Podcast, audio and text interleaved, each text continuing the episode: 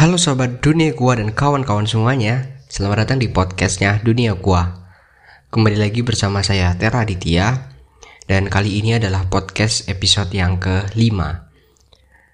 Hmm, Ternyata sudah sampai podcast kelima ya Podcastnya Dunia Gua ini. Dan kami sangat bangga dan sangat-sangat senang Bisa berbagi pengetahuan bersama sahabat dunia gua dan kawan-kawan semuanya Tentang tema memulai hobi aquascape seperti yang sudah kawan-kawan dengarkan mulai dari episode 1 sampai dengan episode yang keempat uh, pembahasan ini terkait dengan dasar-dasar ataupun hal-hal yang mendasar dari sebuah aquascape.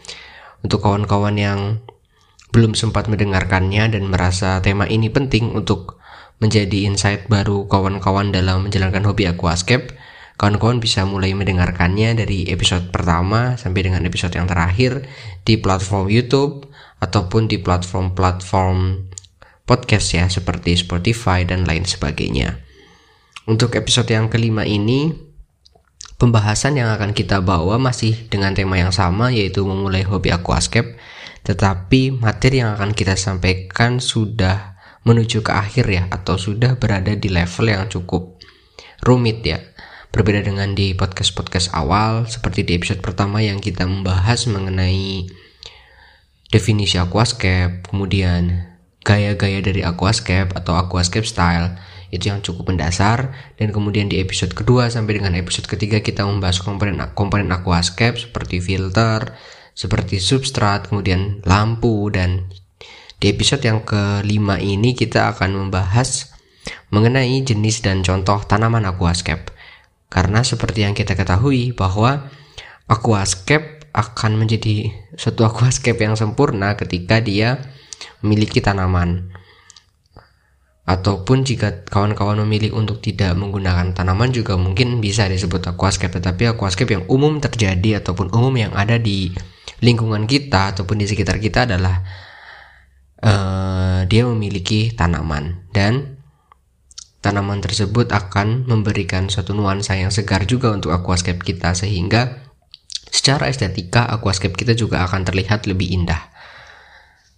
Tidak usah berlama-lama ya untuk pembukaannya karena e, materi tentang tanaman ini sebenarnya juga untuk awalan di episode ini juga tidak akan saya bahas terlalu panjang tapi cukup yang mendasar saja dan yang menjadi dasar-dasar untuk kawan-kawan semuanya dan sahabat dunia tentunya menjadi pertimbangan utama dalam memilih jenis tanaman aquascape dan tentunya menjadi pertimbangan dalam menentukan spesies apa sih yang akan digunakan di dalam aquascape dan dapat juga untuk menentukan tanaman-tanaman tanaman-tanaman yang cocok untuk gaya aquascape yang kawan-kawan semua pilih.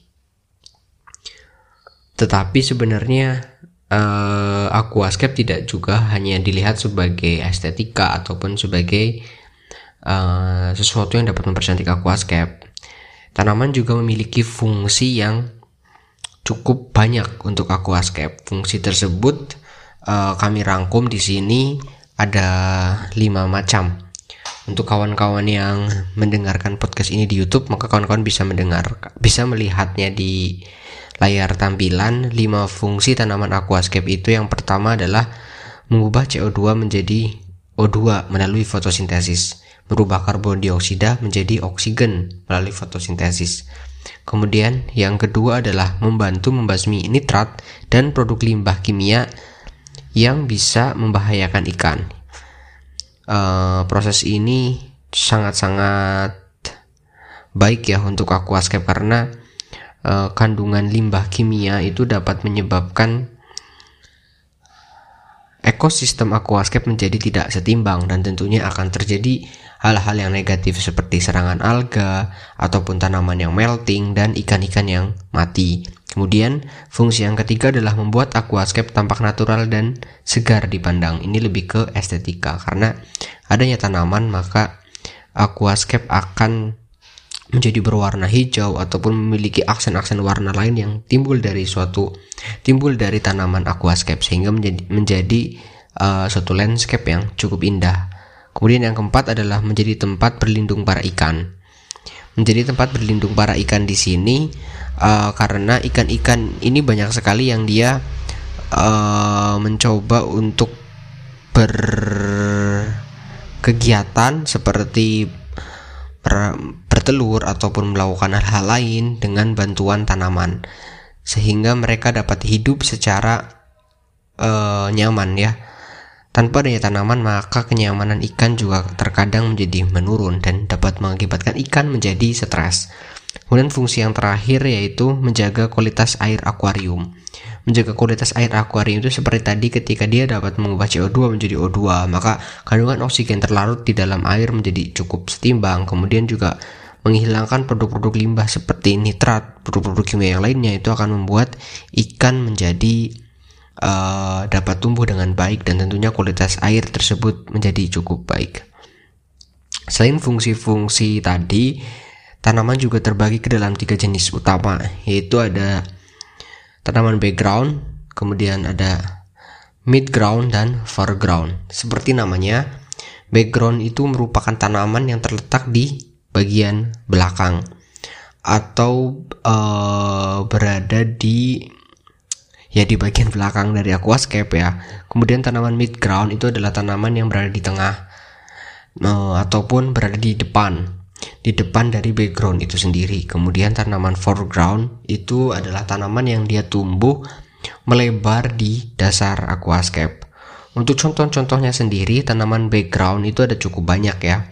Ciri-ciri dari tanaman background itu umumnya dia memiliki bentuk yang tinggi ataupun yang lebar, yang besar karena dia berada di posisi belakang sehingga dia digunakan untuk menutup area yang kosong di bagian belakang aquascape sehingga dia dapat menciptakan suasana hutan ataupun suasana tebing yang cukup estetik ya. Contohnya di sini sebenarnya cukup banyak, tapi yang saya tampilkan di sini hanya dua. Yang pertama ada Anubias nana dan yang ada juga Echinodorus amazonicus.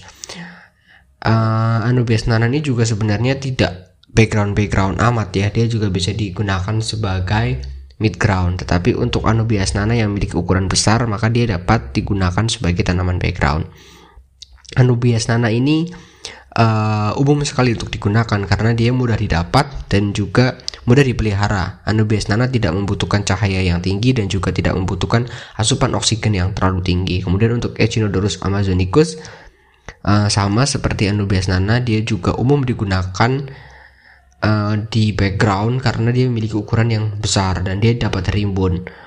Tanaman ini, Echinodorus amazonicus juga cukup mudah dipelihara karena dia juga termasuk tergolong low light dan low CO2 atau uh, tidak membutuhkan oksi tidak membutuhkan karbon dioksida yang terlalu tinggi dan juga tidak membutuhkan pencahayaan yang terlalu tinggi. Kemudian untuk tanaman mid ground itu ada cukup banyak juga contohnya. Ciri-cirinya dia adalah dapat tumbuh uh, tidak terlalu tinggi dan juga dia memiliki bentuk yang bisa melebar ataupun bisa menjadi satu objek yang cukup indah. Contohnya cukup banyak seperti yang kami sebutkan di sini ada tiga yaitu Egeria densa.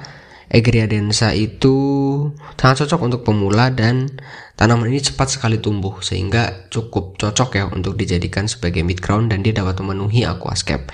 Kemudian Amazon Sword. Amazon Sword ini juga cepat tumbuh dengan lebat dan tanaman ini sangat mudah dirawat.